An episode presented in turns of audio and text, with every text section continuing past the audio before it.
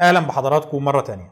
في الفيديوهات اللي فاتت إحنا اتعرفنا مع بعض على تاريخ المستعمرات الإنجليزية في العالم الجديد من بداية نشأة مستوطنة جيمس تاون ولحد ما مستعمرة فيرجينيا اتحولت إلى مستعمرة ملكية وبدأت تظهر ملامح للمستعمرات الجنوبية. النهاردة إن شاء الله هنكمل كلامنا علشان نتعرف على نشأة المستعمرات الشمالية. خليكم معانا. إحنا قلنا قبل كده إنه الملك جيمس الأول منح حق امتياز استعمار منطقة فيرجينيا لشركة خاصة اللي هي هتعرف باسم شركة فيرجينيا. حق الامتياز أو المرسوم الملكي ده بيصدر سنة 1606 وبعدها شركة فيرجينيا نفسها بتنقسم إلى قسمين القسم الأول اللي هو شركة لندن ودي اللي بتحصل على حق امتياز استعمار المناطق الجنوبية في منطقة فيرجينيا. بينما القسم الثاني اللي هو كان شركة بليموث ودي اللي بتحصل على حق امتياز استعمار المناطق الشمالية. وكان في منطقة في الوسط دي تعتبر منطقة امتياز مشتركة للشركتين. منطقة نفوذ مشتركة سواء لشركة لندن أو لشركة بليموث. طبعا هنا الشركتين اللي هم شركة لندن وشركة بليموث بيبدأوا يشتغلوا بمنتهى الجدية علشان كل واحدة منهم تقدر تنشئ مستوطنات ومستعمرات في المناطق الخاضعة لنفوذها في العالم الجديد. وإحنا اتكلمنا قبل كده عن إزاي شركة لندن كان ليها السبق. وازاي نجحت في إنشاء مستوطنة جيمس تاون اللي هي هتبقى أول مستوطنة إنجليزية دائمة في العالم الجديد. ولكن بالنسبة لشركة بليموث فإحنا ما شرحناش إيه اللي حصل بالنسبة لها وإزاي حاولت تستعمر الجزء بتاعها ومنطقة النفوذ الخاضعة ليها. شركة بليموث بتبدأ تشتغل بالتوازي مع شركة لندن علشان تقدر هي كمان تعمل مستعمرة تابعة ليها في منطقة نفوذها اللي هي المنطقة الشمالية. وهنا بيكون الخطوة الأولى في سبيل إنشاء المستعمرة دي هي إيجاد وتوفير الدعم المالي المطلوب لإنشائها. محتاجين حد يصرف على المستعمرة دي ويدعمها ماليا لحد ما ننجح في إنشاء المستعمرة وتقدر تقف على رجليها وتبقى مستعمرة منتجة وتحقق أرباح. وبعد كده نبدأ نرجع له الفلوس بتاعته دي وفوقها الأرباح بتاعة الاستثمار اللي هو عمله ده. وبالفعل شركة بليموث بتقدر تلاقي مجموعة من المستثمرين المستعدين للمخاطرة في مشروع زي ده. بيكون على رأس المستثمرين دول واحد اسمه جون بوبهام. جون بوبهام كان نبيل وقاضي إنجليزي وكان له ثقل كبير جدا في السياسة الإنجليزية في الوقت ده. الراجل كان بيشغل سابقا منصب رئيس مجلس العموم الإنجليزي رئيس مجلس العموم في البرلمان الإنجليزي. وبعد كده بيبقى المدعي العام لإنجلترا. وبعد كده بيبقى هو رئيس النظام القضائي لإنجلترا كلها. طبعا راجل زي ده بيكون عنده القدرة على توفير الغطاء المالي والدعم السياسي والقانوني لإنشاء المستعمرة. وبالفعل الراجل بيوافق على إن هو يتحمل العبء الأكبر من تمويل المستعمرة دي. وبمجرد شركة بليموث ما بتنجح في توفير الدعم المالي المطلوب بيبدأوا في تجهيز حملة مكونة من 120 مستوطن إنجليزي على متن سفينتين بعد كل الاستعدادات دي ما بتتم الحملة بتتحرك من ميناء بليموث في إنجلترا في نهايات شهر مايو سنة 1607 اللي هو تقريبا في نفس الوقت اللي كانت الحملة بتاعت شركة لندن وصلت فيه لجيمس تاون وبدأت بالفعل في إنشاء المستعمرة بتاعتها هناك. وفي شهر أغسطس سنة 1607 السفينتين دول بيوصلوا إلى سواحل ولاية مين الأمريكية الحالية. ومع وصولهم ال 120 مستوطن اللي على متنهم بيبدأوا في البحث عن موقع ملائم لإقامة المستعمرة بتاعتهم. هنا العوامل اللي هم كانوا بيبحثوا على موقع على أساسها كانت شبيهة بالعوامل اللي الحملة بتاعت شركة لندن اختارت موقع جيمس تاون برضه على أساسها. إحنا محتاجين موقع قريب من السواحل قريب من مياه المحيط علشان السفن بتاعتنا تقدر تروح وتيجي عليه بسهولة. محتاجين موقع قريب من مصدر للمياه العذبة علشان نقدر نلاقي نشرب ونزرع. ومحتاجين موقع يسهل الدفاع عنه. وهنا بناء على كل العوامل دي بيلاقوا إن في موقع مناسب جدا لإقامة المستعمرة بتاعتهم. الموقع ده كان بالقرب من مصب نهر كان اسمه وقتها نهر ساجادوك. النهر ده اللي هو المعروف حاليا باسم نهر كينيبيك. الحقيقة إن الحملة دي كان فيها تشكيلة مثيرة للاهتمام من المستوطنين. الحملة طبعا كانت مكونة زي ما قلنا من 120 مستوطن. كلهم كانوا من الذكور إما رجال وإما من المراهقين الذكور. ولكن ما كانش فيه أي نساء في الحملة دي على الإطلاق. وده طبعا شيء مفهوم لأنه الحملة دي زيها زي الحملة الأولى اللي راحت جيمس تاون كانت رايحة تغامر في المجهول. وهم مش عارفين إيه اللي بينتظرهم. وعلشان كده ما كانش في حد عنده استعداد إن هو ياخد أسرته معاه. لا اللي رايحين في المرحلة دي رايحين يستكشفوا ويشوفوا الفرص المتاحة. وهل ينفع إن هم يكملوا وبعد كده يجيبوا الأسر بتاعتهم معاهم ولا لا؟ ولكن بالإضافة لكده الحملة كان فيها تشكيلة متنوعة من الطبقات الاجتماعية الإنجليزية ومن المهن والحرف الموجودة في إنجلترا. بالنسبة للطبقات الاجتماعية فالحملة دي كان فيها عدد كبير من النبلاء الإنجليز. مش بس نبلاء ولكنهم نبلاء بينتموا إلى أسر عندها مستويات مرتفعة من الدخل المادي ومن النفوذ السياسي داخل إنجلترا في الوقت ده. أول قائد بيتم اختياره لقيادة المستعمرة دي بيكون تاجر إنجليزي اسمه جورج بوبهام وده كان قريب سير جون بوبهام اللي هو القاضي الإنجليزي اللي كان مسؤول عن تمويل الحملة دي. وربما كانت قرابته منه سبب من الأسباب اللي خلتهم يختاروه كأول قائد للمستعمرة. بالإضافة لكده من ضمن المستوطنين اللي جم مع الحملة دي كان مستوطن اسمه رالي جيلبرت. ده كان ابن هامفري جيلبرت اللي هو المستكشف الإنجليزي اللي كان له دور كبير في التخطيط لاستعمار العالم الجديد في عهد الملكة إليزابيث.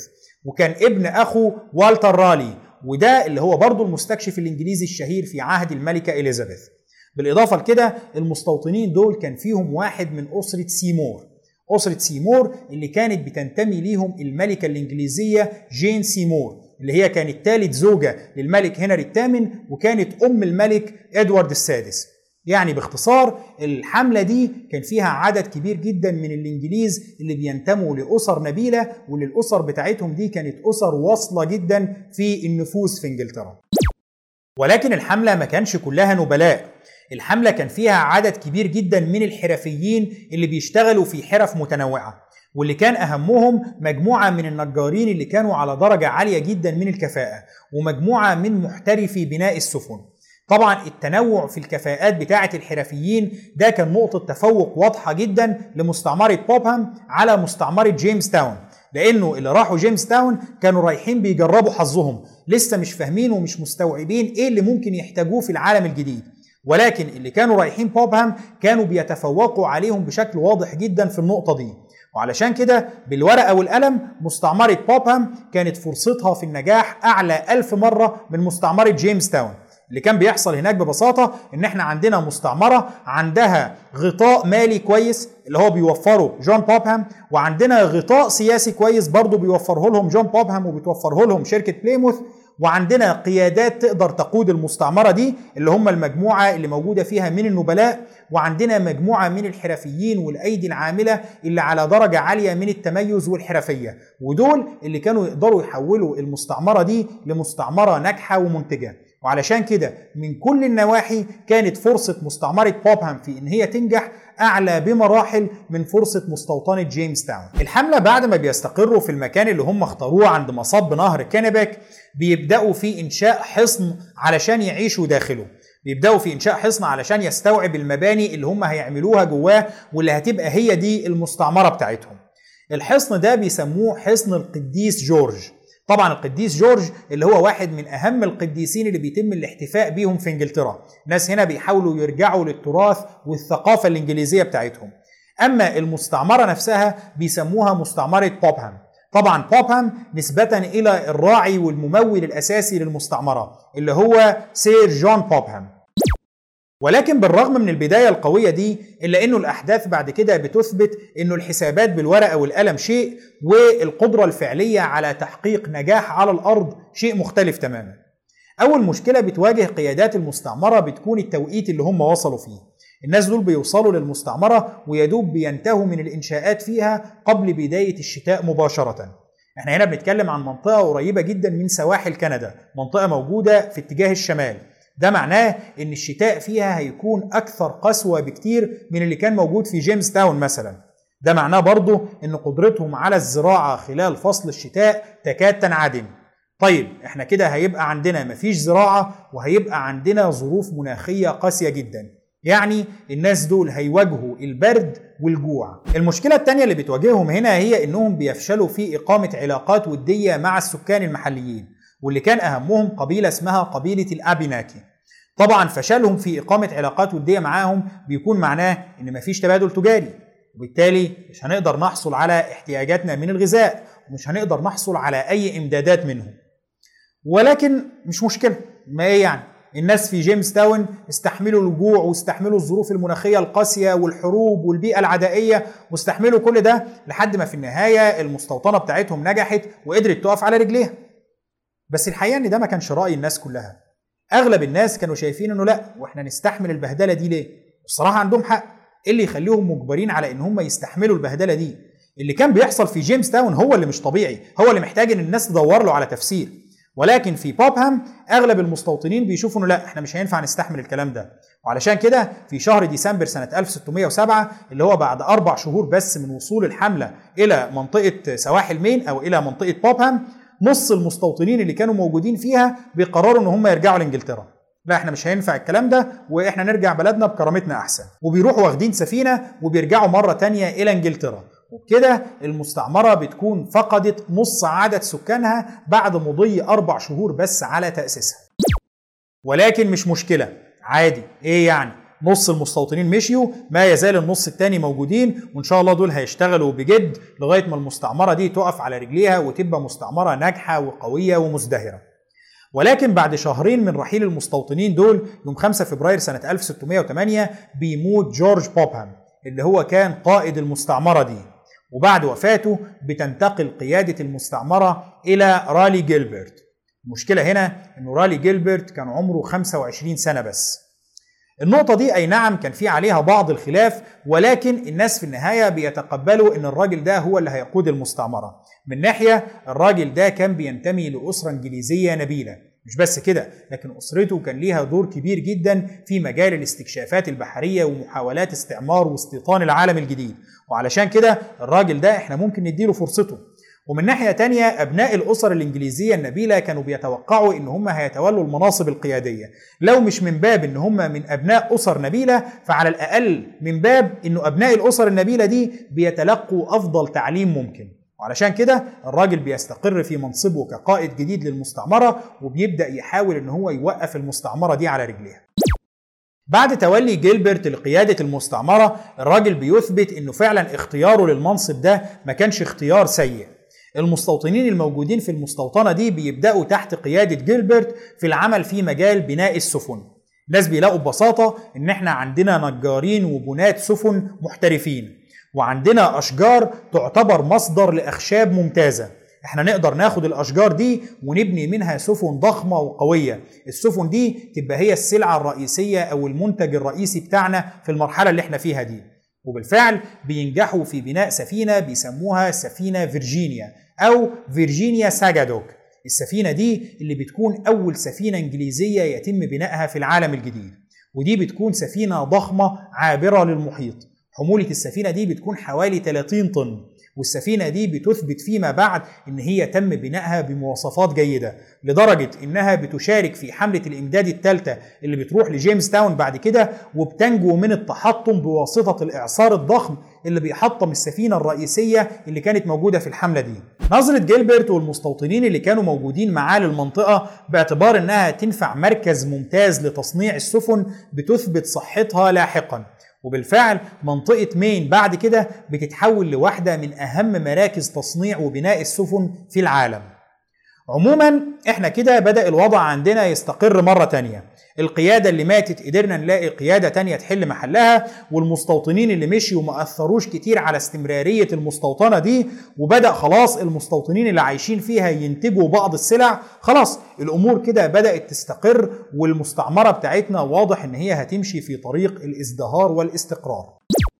ولكن في شهر مايو سنة 1608 بتوصل الأخبار لمستعمرة بوبهام بأنه سير جون بوبهام اللي هو الممول الرئيسي للمستعمرة دي مات. هو الحقيقة أن الراجل كان مات سنة 1607 ولكن الخبر بيتأخر شوية لحد ما بيوصل للمستعمرة ومع وصول المستعمرة بيبدأ المستوطنين اللي عايشين فيها يقلقوا.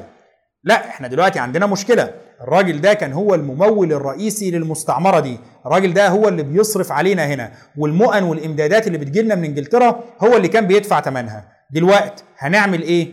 أي نعم أيوه المستعمرة بدأت تقف على رجليها وبدأنا ننتج بعض السلع بس لحد دلوقتي المستعمرة ما بتحققش أرباح. يعني في النهاية إحنا ما زلنا محتاجين حد يصرف علينا. فهنعمل إيه في المشكلة اللي عندنا دي؟ ولكن هنا بيبدأ المستوطنين يشوفوا إنه أكيد شركة بلايموث هتتصرف. أكيد هيلاقوا مستثمر تاني يقدر يضخ تمويل كافي لحد ما المستعمرة دي تقف على رجليها وتحقق أرباح. ولكن مع أول حملة إمدادات بتوصل بعد كده اللي هي بتوصل في شهر سبتمبر سنة 1608 الكلام ده بعد سبع شهور من تولي رالي جيلبرت لمنصب قائد المستعمرة بتوصل أخبار جديدة من إنجلترا. الأخبار دي بتقول إن أخو رالي جيلبرت الكبير مات. طيب وإيه يعني؟ ما يموت. يعني نعمل له إيه؟ إيه المشكلة؟ الفكرة هنا إنه رالي جيلبرت زي ما قلنا كان بينتمي لأسرة إنجليزية نبيلة.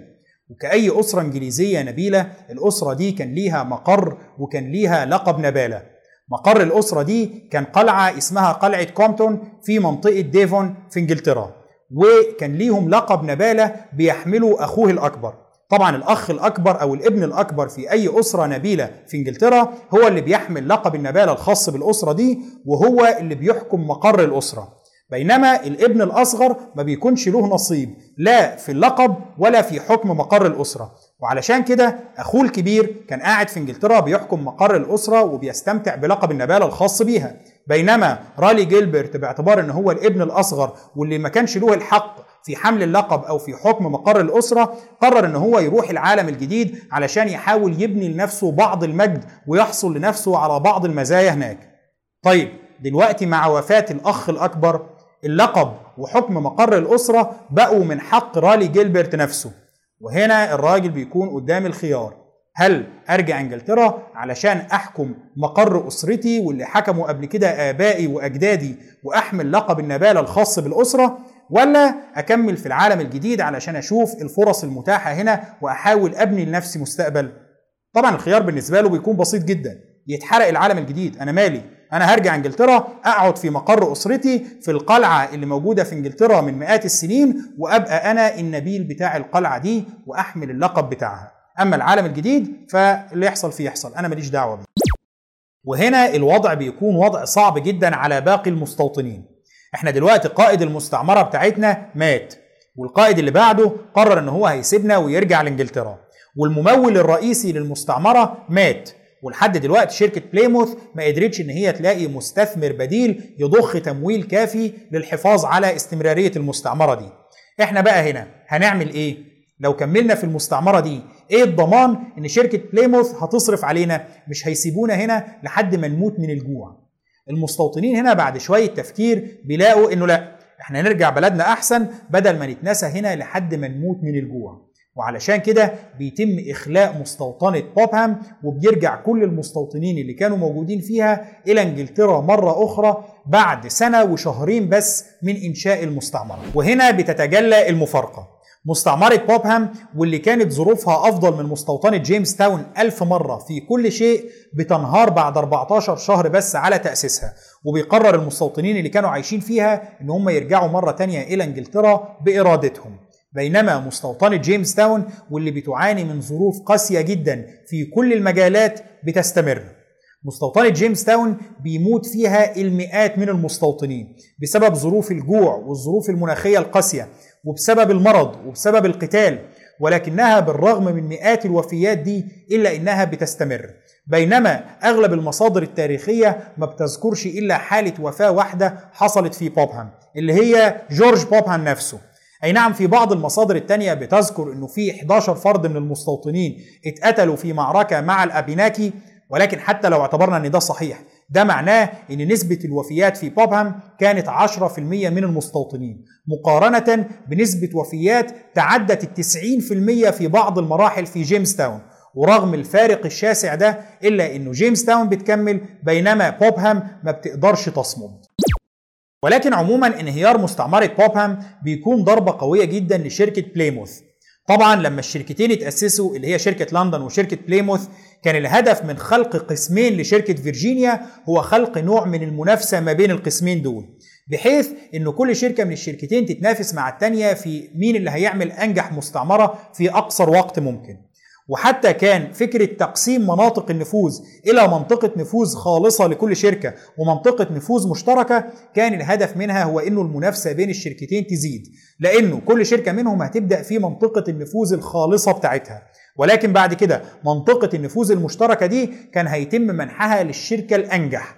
وطبعا مع انهيار مستعمرة بوبهام بقى واضح إنه شركة لندن هي الأنجح. وان شركة بليموث بتعاني علشان تقدر توقف المستعمرة بتاعتها على رجليها أو أصلا علشان تقدر تنشئ مستعمرة. شركة بليموث بتحاول أكتر من مرة إن هي تعيد الكرة وتعيد إنشاء مستعمرة تابعة ليها في منطقة النفوذ بتاعتها. ولكن كل المحاولات اللي هي بتعملها بعد كده بتفشل.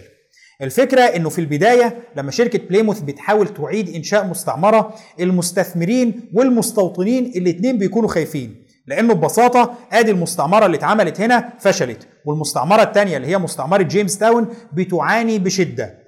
المعاناة بتاعت جيمس تاون دي كانت مقلقة كل المستثمرين اللي هو إحنا هنضخ استثمارات جديدة مع شركة بليموث إزاي؟ وهم لسه عاملين مشروع فاشل والمشروع التاني المنافس ليهم على وشك الفشل. لا إحنا خلينا بقى نصبر شوية لحد ما نشوف جيمس تاون دي نفسها هتنجح ولا لأ. والله لو نجحت يبقى كده فكرة الاستثمار في العالم الجديد قد تكون فكرة منطقية. نحاول نجرب فيها مرة تانية. أما لو فشلت يبقى خلاص بقى نسيبنا من الفكرة دي لأنه لا دول نفعوا ولا دول نفعوا فما نضيعش فلوسنا على الفاضي. التخوفات دي بتستمر لمدة خمس أو ست سنين لحد ما في النهاية بحلول سنة 1614 جيمس تاون بتكون أثبتت إن هي قادرة على الصمود والاستمرار. بحلول التوقيت ده بتكون جيمس تاون نجحت في إنهاء حرب البوهتان الأولى وعقدت سلام مع البوهتان وبتكون كمان نجحت في بدء تصدير التبغ إلى إنجلترا. كده خلاص المستوطنة اللي موجودة في جيمس تاون استقرت وبدأت تحقق نجاح تجاري. طيب كده ما دام جيمس تاون استقرت وأثبتت إن هي مشروع ناجح يبقى يلا بينا بقى نعمل مستعمرة جديدة في بليموث علشان ننافس جيمس تاون وعلشان إحنا كمان نعمل مستعمرة ناجحة. ولكن هنا المستوطنين والمستثمرين بيكون ليهم رأي مختلف. رأيهم ده بيكون مبني على إنه جيمس تاون ما قدرتش تحقق النجاح اللي هي وصلت له ده إلا بعد سنوات طويلة من المعاناة ومن الشقاء ومن المصاريف اللي اتصرفت عليها. طيب إحنا دلوقتي لما يبقى عندنا مشروع مر بالصعاب دي كلها علشان يقدر يقف على رجله نروح نعمل مشروع جديد ينافسه ونصرف عليه نفس المصاريف دي ونمر بنفس المعاناة ديت مرة تانية؟ ولا نروح ببساطة نستثمر في شركة لندن ونروح نعيش ونستوطن في جيمس تاون أو بالقرب منها. هنا أغلب المستثمرين بيقولوا لا إحنا نروح نضخ فلوسنا دي في شركة لندن. على الأقل الشركة دي أثبتت نجاح مش شركة بليموث اللي إحنا مش عارفين لسه هي هتنجح ولا لا. والمستوطنين بيشوفوا إن الطريق الأقرب إلى النجاح هو إنهم يروحوا يستوطنوا في مستعمرة فيرجينيا بالقرب من جيمس تاون في مستوطنات كتيرة نشأت بالقرب من جيمس تاون ممكن نعيش في أي واحدة منها. أما بالنسبة لبليموث فلا الموضوع ده صعب شوية. صعب إن إحنا نروح نغامر في منطقة جديدة بالكامل. على الأقل نروح بالقرب من مستوطنين عايشين في المنطقة دي بقالهم فترة وبقى عندهم خبرة كافية في التعامل معها وعلشان كده ولمدة أكتر من عشر سنوات بتظل شركة بليموث خاملة تماما وغير قادرة على إنشاء مستعمرات في المناطق الخاضعة لنفوذها. وفي النهاية لما بتنشأ بالفعل مستعمرة في المناطق الخاضعة لنفوذها بعد أكتر من عشر سنين ده بيحصل لسبب مختلف تماما. السبب ده اللي هو الاضطهاد الديني. إزاي ده هيحصل؟ ده اللي هنتكلم عنه في الفيديو اللي جاي. شكرا لحضراتكم وإن شاء الله الأسبوع اللي جاي نكمل كلامنا.